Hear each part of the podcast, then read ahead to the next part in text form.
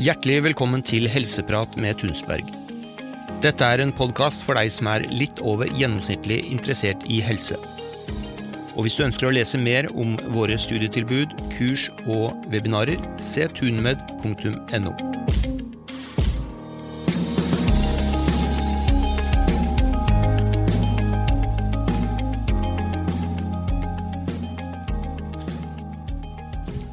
Velkommen til Helseprat, Jan Erik. Tusen takk. Du har jo en uh, veldig spennende helsereise, kan man si det sånn? Ja, jeg føler jo egentlig litt det. ja. Jeg syns det har vært veldig spennende mm. å følge deg helt fra du begynte på skolen rundt 2011, var det ikke det? Ja. Mm. Å følge den utviklingen du har hatt, og hvor du har kommet nå, er må jeg si, imponerende. Ja, jeg, når jeg tenker tilbake nå, så ser jeg det at en ganske stor eh, endring jeg har gjort. Ja. Hvis vi skal gå litt tilbake til tiden før du begynte å studere kostholdsveileder, og før du var opptatt av ernæring og helse, mm. hva jobba du med, og hvordan var livsstilen din, skal vi si det ja. sånn? Altså, hvis jeg kan starte litt før det også, eh, før jeg liksom kom i arbeidslivet, så har jeg eh, hatt en del helseutfordringer som starta allerede faktisk eh, når jeg gikk på barneskolen. Mm. Jeg har hatt veldig mye øre- og halsproblematikk. Og jeg fikk jo diagnose ADHD i voksen alder, så jeg har jo vært ganske Ikke høyt oppe i taket, men har hatt en del konsentrasjonsproblematikk. Så Gjennom barneskolen? Gjennom både barneskolen og uh, ungdomsskolen.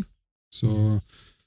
hvis jeg liksom tenker på tilbake på karakterene, f.eks., så er ikke det så mye å skryte av. Men, uh, men, jeg, men, samtidig så er det litt sånn rar uh, Hvis jeg ser på karakterene, da, så husker jeg at jeg hadde beste karakteren i gym, mm.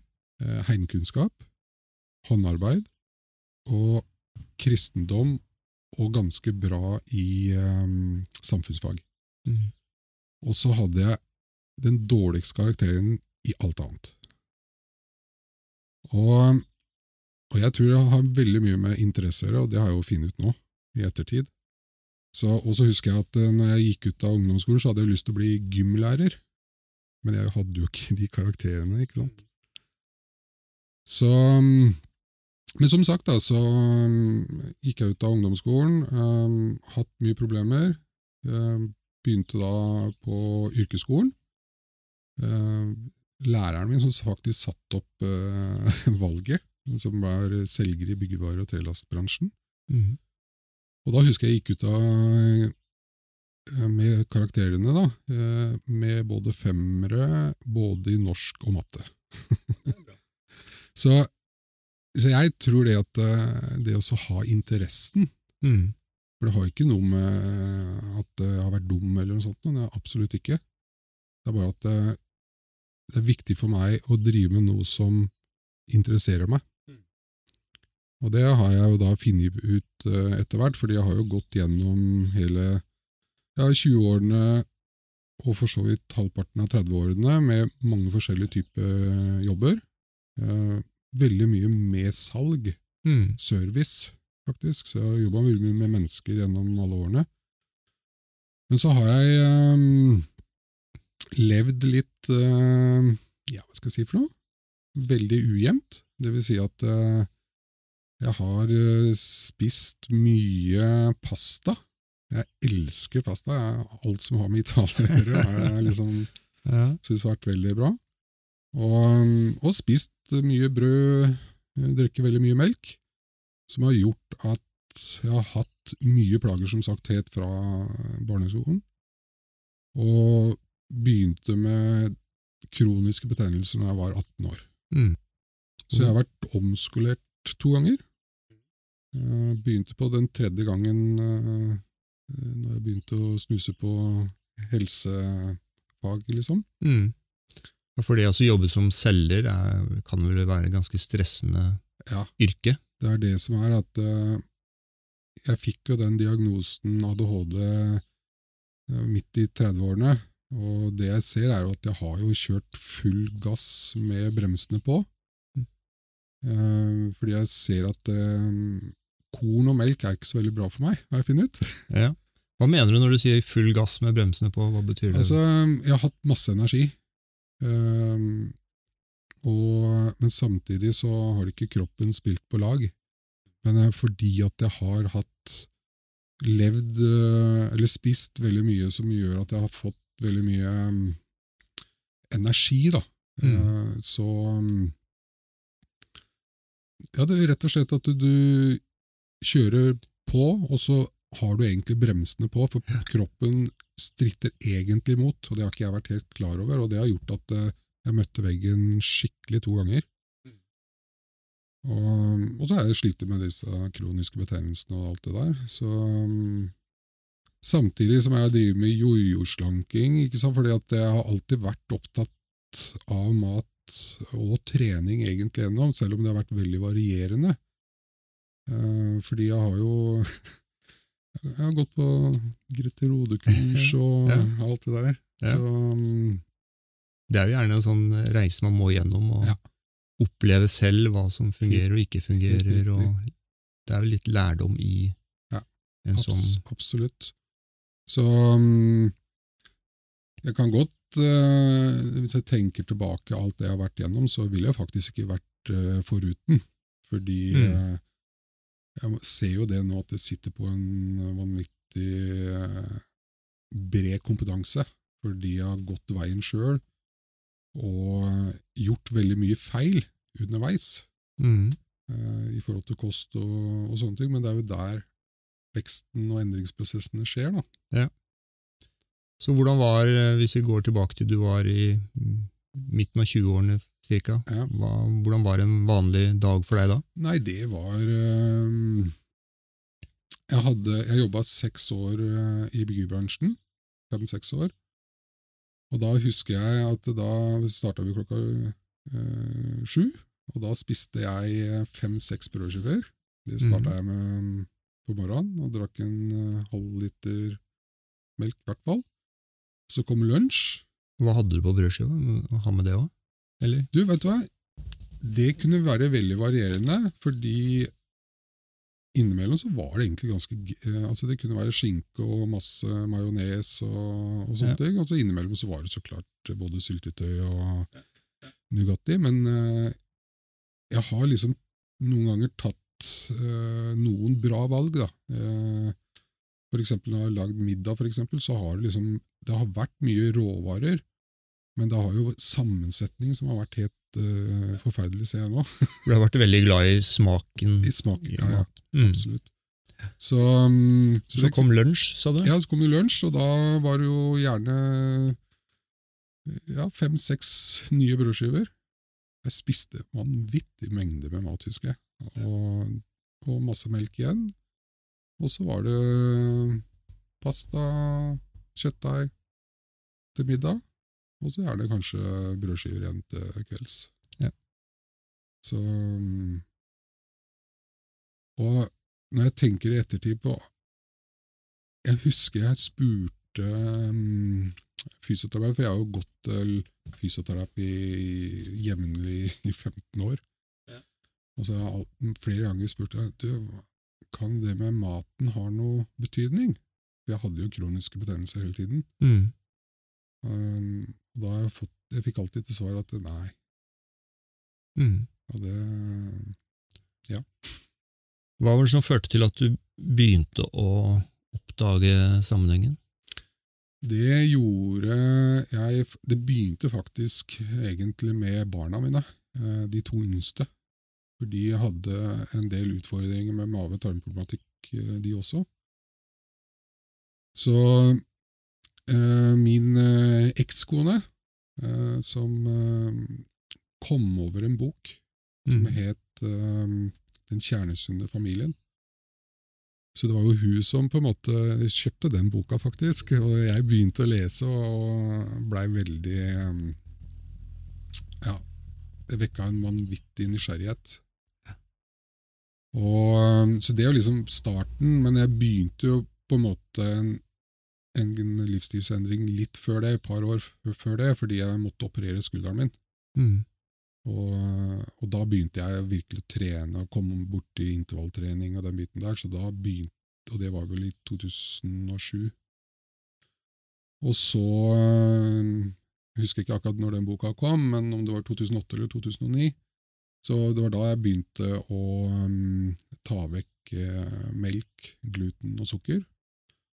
Og jeg har alltid vært litt ekstrem, så jeg gjorde alt på én dag. Mm. Kutta ut alt med en gang.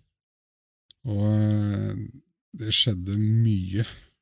Med en gang, eller? Ja, ja. Det var de, For det første så um, Jeg fikk jo energi med en gang.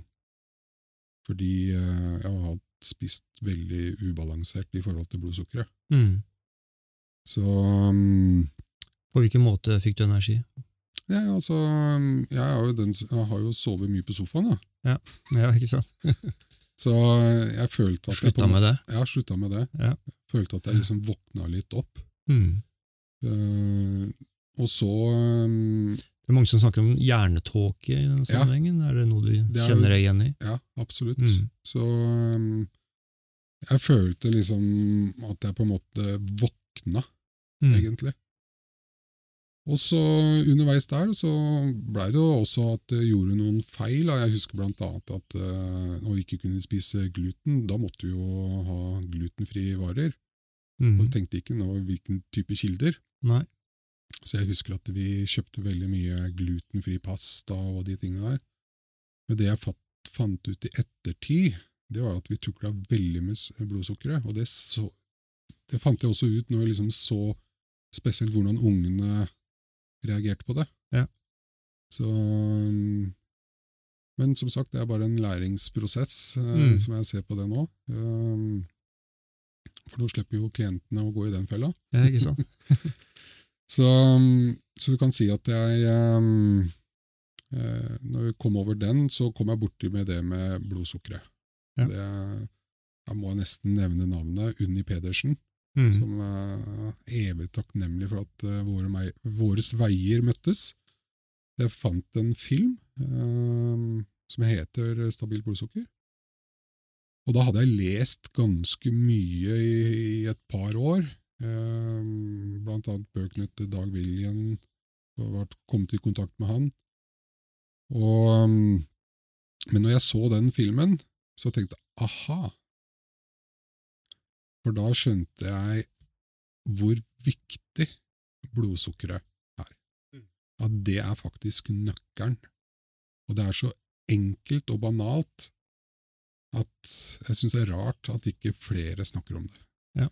Det er mange som eh, Det blir jo så mye mer eh, opplyst om det nå, men allikevel så er det veldig lett for at man liksom videre ja, Bare snakker litt om det, og så går man videre. Vi har jo vært opptatt av dette her helt siden skolen starta. Ja. Men eh, så det blir nesten sånn at vi glemmer det litt, Helt faktisk. Helt så riktig. hvorfor vi eh, tar det som en sånn selvfølge at uh, alle kjenner til det. Ja. Men uh, Så, det er jo kanskje et av de viktigste fundamentene for god helse. Ja. I hvert fall for mange. Ja.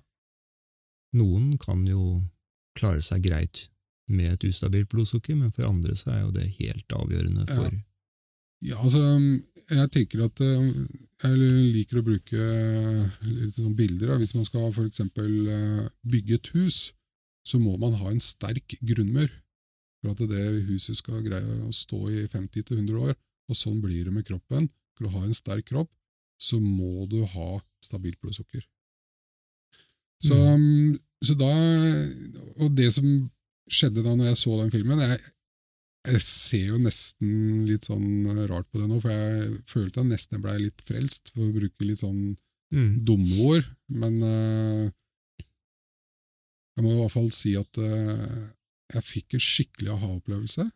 Um, og da gjorde jeg noe enda mer tiltak som gjorde at jeg fikk ekstrem bra helse ganske kort tid. Mm. Jeg fikk mye mer energi, jeg ble mye mer sprekere, jeg fikk mye bedre effekt av treninga. Jeg trente ganske mye inn, eh, da. I den Hvilket årstall er vi på nå? Nå er vi på 2009. 2009. Mm. Eh, og mm, så, For det er det jeg fant ut, da. fordi å ha stabilt blodsukker, så får man stabile hormoner. Ja, ikke sant? Og jeg fikk en uh, annen effekt som jeg syns var veldig morsomt, og det var at jeg begynte å trene mindre og fikk bedre effekt. Mm. Og det handler om hormonbalanse. Ja. Så, og da mm, møttes jo da våre veier. Mm. Fordi eh, når jeg fant ut dette her, så gikk det et år. Um, leste bare mer og mer, blei mer og mer interessert i dette, og fant ut at eh, nei, jeg må sette meg på skolebenken og utdanne meg eh, innenfor ernæring. Mm. Og begynte hos dere. Ja. Og så eh, har jo veien eh, blitt sånn som den har blitt, eh, med at jeg tok først eh, kostholdsveileder, og så har jeg da tatt helsefagarbeider, hypnoterapeut, Mm. i ettertid. Ja. Så, så jeg begynte jo med veiledning å og veilede folk på hobbybasis sånn 2000 og, slutten av 2008 Ja. og 2009. Mm. Eh, Og så starta jeg for meg sjøl i 2011. Mm. Jeg husker ikke om det var 2010 eller 2011, men iallfall akkurat i mange momentet der. Hvordan har det vært, syns du, å veilede andre? Nei, det har vært uh, kjempemorsomt. Ja. Det blir jo litt sånn at når du på en måte har gjort jobben sjøl og fått kjent effekten av det, fordi jeg har både slitt med depresjoner, eh, i langvarige depresjoner, gått på medisiner, hatt kronisk betennelser i nesten 20 år, ADHD-diagnose som har hatt resultert i veldig dårlig eh, konsentrasjon, eh, de tinga, altså alle de negative sidene ved ADHD. Mm. Mens når jeg da har gjort de endringene som har gjort, så har jeg jo blitt kvitt alt, og har egentlig bare de positive Ja. egenskapene rundt ADHD. Det er det jo mange som ikke tenker på, men det er jo Jeg syns det faktisk er bare en eh, For meg nå er det positivt. Jeg Mm. har masse energi, jeg kan ta ting på sparket, eh, kreativ. mm. Jeg mener at eh, hadde vi, hvis vi tenker litt sånn evolusjon, da, så er jo de som har det, den biten der, som var overleveren i steinalderen. Absolutt. Så, Og det at du gjorde det bra i de praktiske fagene, er jo Mm. også ganske typisk Ja. eh, for de barn som har den Mm. diagnosen. absolutt. At de, de er, vi er kanskje ikke skapt til å sitte på Ja, skolebenken i, i så mange timer hver dag. Nei, altså Det å putte mennesker i bås som vi gjør nå, det, det, det er ikke bra. Nei. Um, det er mange som faller utenom, dessverre. Mm. Men etter at du da møtte Unni Pedersen og begynte å studere hos oss, Mm. Og du har jo fortsatt å jobbe med helsa, Ja, ja. Hva, hvilke flere tiltak har du gjort? Eh, Nei, altså, det er jo en lang vei. Ja, det har vært en lang vei. Um, Jeg har jo så klart uh, kutta ut melk og gluten og sukker og sånne ting, og det har vært sånn av og på. Um, Jeg har ikke vært 100% av det hele tiden. Uh, og, um, men så har jeg jo prøvd veldig mye forskjellige ting. Jeg, det jeg har holdt veldig ved, det er periodisk faste. Og det har jeg Mm. gjort siden 2011, faktisk. Mm. Og det er noe som passer meg helt perfekt. På hvilken måte gjør du det? Det jeg gjør da, er at jeg aldri spiser før uh, ja, tolv-ett-tida. Ja. Um, kan godt drøyne gjerne til to-tre år, for den saks skyld. Um, og så, men det er ikke sånn at det, er jeg på et hotell, så spiser jeg hotellfrokosten. Det er Ja. ikke sånn Jeg har slept garden ganske ned Mm. kontra 2011 og 2012, som jeg var mye mer striks med ting. Ja. Da er jeg mye mer avslappa, fordi um, det er viktig at vi ikke har for mye press på oss sjøl. Mm. Så, så periode faste. Uh, hatt gjort masse erfaring med faste. Alt fra én dag til ti dager. Så, og det gjør jeg fortsatt. uh, det er ikke så lenge siden jeg hadde endagsfaste. Mm. Um, og jeg vil jo at det fungerer veldig bra for meg. Og jeg tenker også igjen om evolusjonen. da. Ja. Vi er jo skapt for å kunne gå lenge uten mat. Mm. Jeg har hatt eh, utrolig mange klienter som har fått veldig bra effekt av periodisk faste. Ja. Men det er bare for å uh, Nå sitter vi så klart i en podkast her, men bare nevne at det er greit å innta litt kunnskap om det før man bare hopper i det. Ja, eller få veiledning, syns jeg. da. ja, ja. Eller, eller sette seg inn i det selv. Da. Men, eh, men det å få veiledning er jo en Mm. god støtte, fordi at det kan jo skje litt ting underveis. Ja. Så, så det er noe som jeg har holdt på hele tiden. Og så har jeg jo spist uh, alt fra steinaldermat i perioder, paleo Jeg har prøvd ut vegansk i korte perioder. Jeg Mm. har prøvd, og det er litt av det. Vi, vi må jo teste ut ting Ja, det er nok lurt å gjøre det. Ja. Så, men jeg, sånn, det, hvis jeg skal nevne hva jeg spiser nå, så er det jo retning av paleo. Eh, egentlig, jeg fant ut noe morsomt her for eh, bare halvt år siden, og det er at det har kommet et nytt begrep, som er eh, pegan, mm. eh, fra en kjent lege borte i USA. Og det er en blanding av vegansk mm. og paleo. Mm. Så det vil si litt mindre kjøtt, men mye mer grønnsaker. Mhm. Og det er noe som jeg eh, egentlig kanskje lever mer nærmere nå. Ja, ja. Så, men det er en blanding av paleo og, og pegan, da. Ja, ikke sant. Så bra. Så nå er du eh, 100% fit, eller? Ja, du altså Du løper jo for ikke så lenge siden et Ja. veldig bra løp, har jeg fått med meg. Ja, stemmer det. Eh, bare nevne at jeg eh, tok et annet eh, grep, og det var at jeg starta på noe kursing på funksjonell medisin eh, i fjor. Mm. som gjorde, og det har jeg gjort på grunn av at jeg ønsker eh, både å se på, for dette er en aller, aller siste behandlings, eh, veldig spennende behandlingsmetoder, eh, Mm. veldig uh, oppdatert, Mm. Uh, og mm, så jeg har gjort og fulgt hele programmet der, uh, som har gjort at jeg har funnet ut noen sånne småting da, som jeg måtte faktisk endre litt på. Ja. For det er jo en blanding av kurs og eh, behandling. Ja, helt riktig. Mhm. Og, og det har gjort at uh, nå har jeg fått et skikkeløft, og spesielt de siste eh, månedene. Ja. Da har det virkelig løsna. Så som sagt så løper jeg halvvirken her, og Du må fortelle om de resultatene. Det er lov å skryte av det, syns jeg. ja, det er det, ja. Ja. ja. Nei, som sagt da, så løper jeg halvvirken uh, på 1,2 mil uh, i 40 til 49 aldersklasse, og kom på 16. plass eh, av eh, ja, jeg tror det var 90 st- mm. stykker, og totalt 100 plass av 1200. Det er ganske imponerende når jeg tenker på at jeg tror over okay. ved 4,8 Ja. eh, kilometer, og jeg har nok ikke uh, ryket uh, leddbåndet på ankelen, men uh, den ble ikke så veldig pen dagen etter, Nei. for å si det sånn. Så, mm, så da brukte jeg litt eh, teknikker og sånn for å greie å fullføre. Eh, men det er ganske, når jeg ser på pulsklokka og ser på tidene og sånn, så er jeg ganske, jeg, jeg er faktisk stolt av det resultatet der. Ja. Mye av det tilskriver du kostholdet, ikke sant? Det Alt. Ikke alt. alt, Mm. eh, fordi at jeg har gjort noen grep. Jeg har brukt litt av kosttilskudd. Jeg løp løpet på tom mage, blant annet.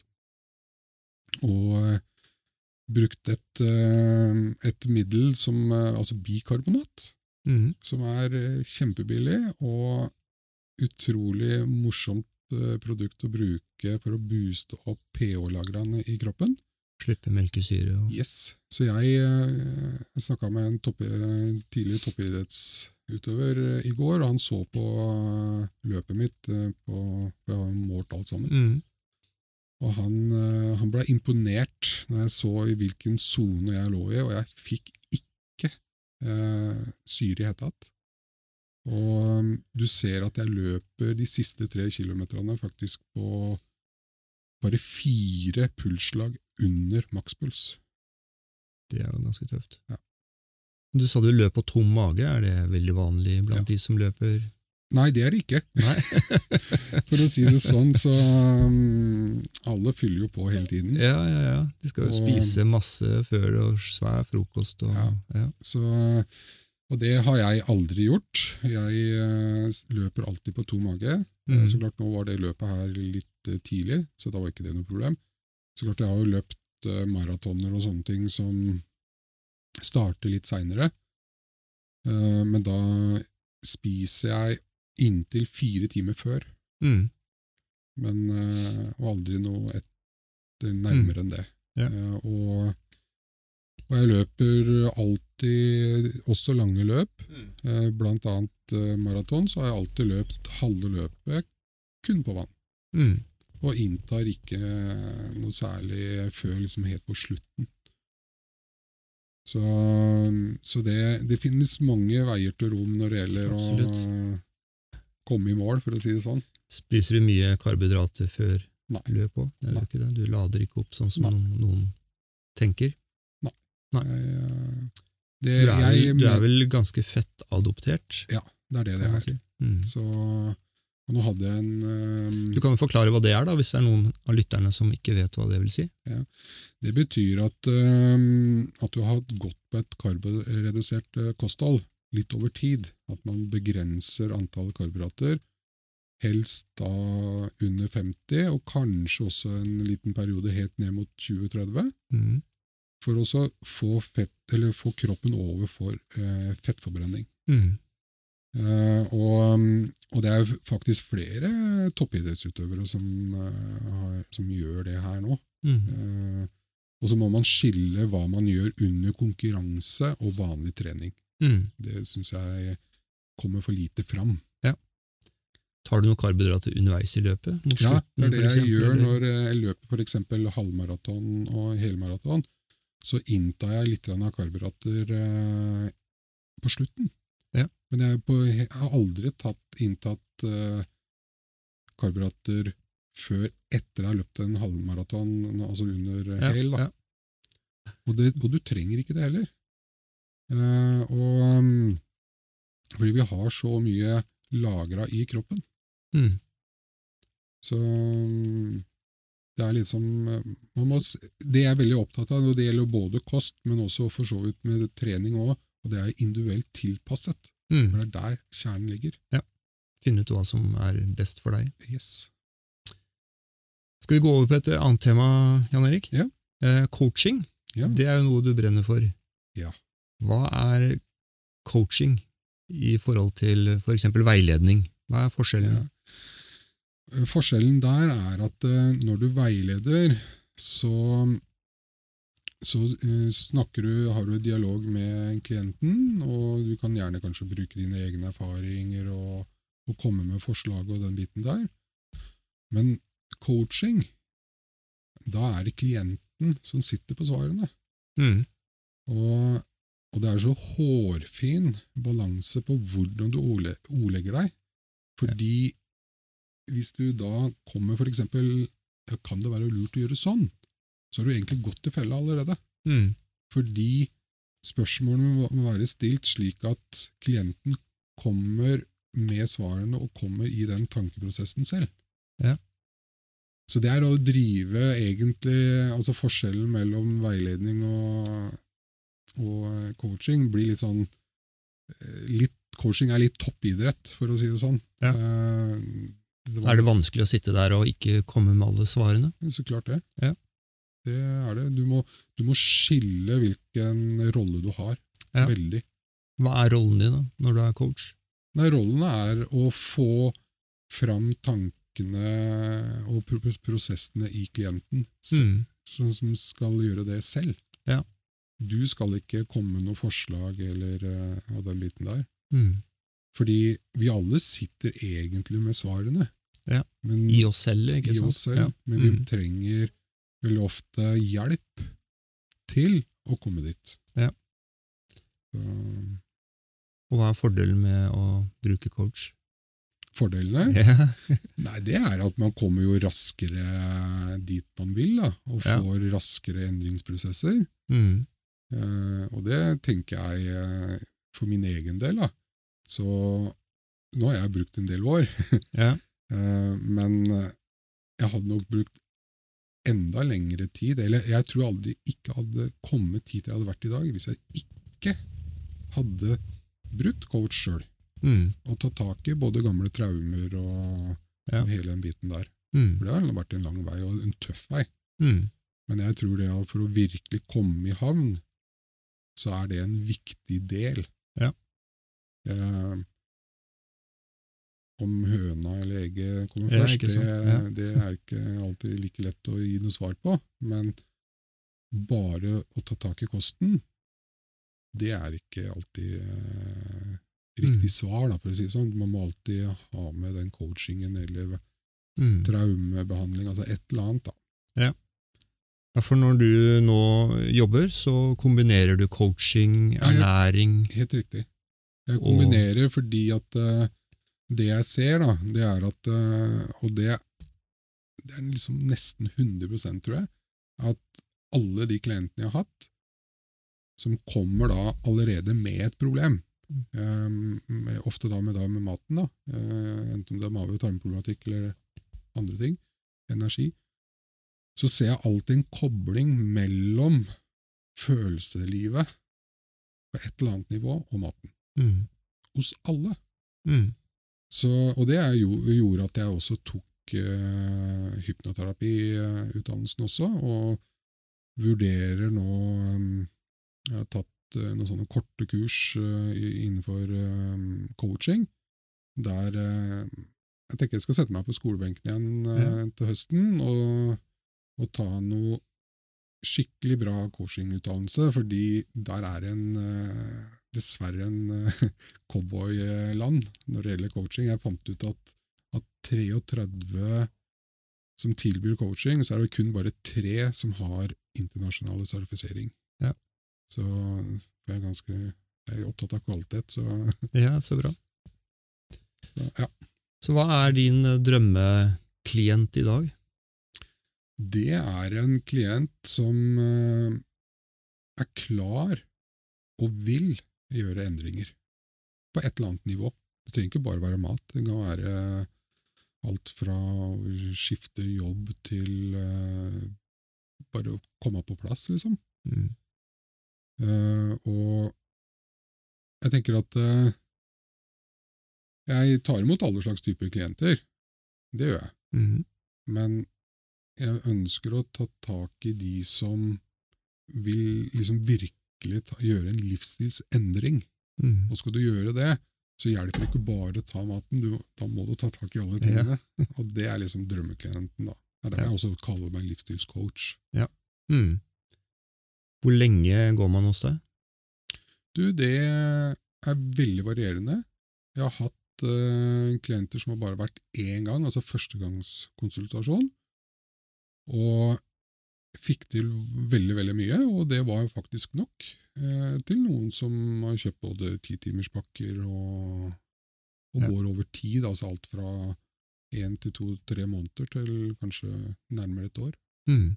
Så det er veldig varierende, og og det er derfor jeg er så opptatt av individuelt tilpasset, fordi at noen trenger bare små dytt, Mm. mens noen trenger å ta tak i mye større bilde, Ja. som både går på kanskje endre vaner, bare, bare for eksempel eh, hva man har i kjøleskapet.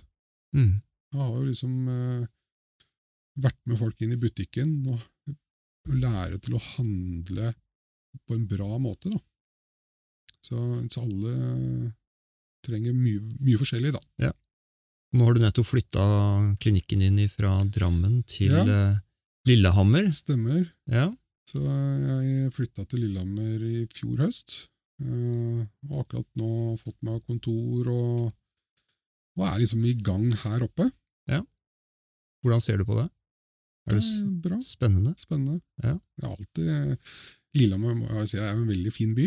Ja, veldig fint her. Så, og det er veldig sentralt, og kan bare liksom ta på seg joggeskoa og bare løpe rett i skauen, nesten. I hvert fall Så, gode muligheter til å få kontakt med natur og treningsmuligheter. Og, Ja. mm.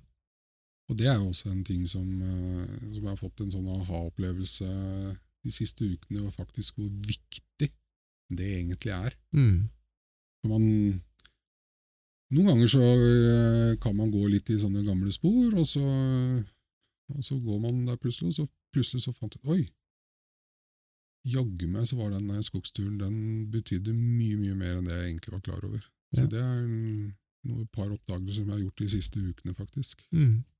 Så nå er jeg blitt mye flinkere til å gjøre det mye oftere. Så bra.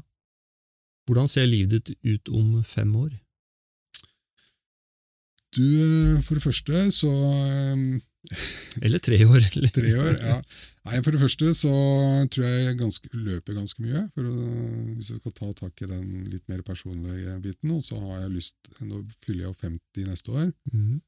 så jeg har funnet ut at det, da rykker jeg opp i en annen klasse. Så jeg, Ja. har jeg tenkt å så eh, trykke på litt. Og, Ja, så, eh, Komme enda høyere opp på resultatlisten? Ja, jeg ser at uh, jeg kan faktisk komme blant ti beste. Mhm. Hvis jeg legger litt mer trening i, i f.eks. i halvbirken, og det er litt morsomt, syns jeg. da. Ja. Så, men det var den biten. Ellers så um, bor jeg så klart på Lillehammer, da. Med kjæresten min eller samboer, da. Og um, har klienter. Mm. Uh, er mye i naturen. Ja. Lager mye god mat. Ja. Som jeg har gjort noen år. Ja. Vi hadde jo en fantastisk middag her i går, da. jeg må nesten skryte av den. Det var eh, viltkjøtt og nydelig saus, eh, kokt på kraft Ja. og rødvin, og det var jo helt fantastisk, eh, Jan Ja, Erik. det var bra. Ja. Det var det. Så det var veldig bra. Så kanskje jeg skal bare si tusen takk både for middagen i går og mm. for denne praten. Mm. Så håper jeg vi kan prates igjen en gang. Tusen takk for at uh, jeg fikk lov til å bli med på dette her. Det var bare hyggelig. Det var det vi hadde i dagens episode. Tusen takk for at du har hørt på, og vil du høre mer, vil jeg anbefale at du abonnerer på oss i enten iTunes eller Spotify. Og Hvis du likte denne podkasten, så vil det hjelpe oss utrolig mye om du hadde skrevet en liten omtale i iTunes. Hvis du har lyst til å lese om våre kurs, utdanninger og webinarer, så kan du gå til tunmed.no. Tusen takk for at du har hørt på, så høres vi igjen snart.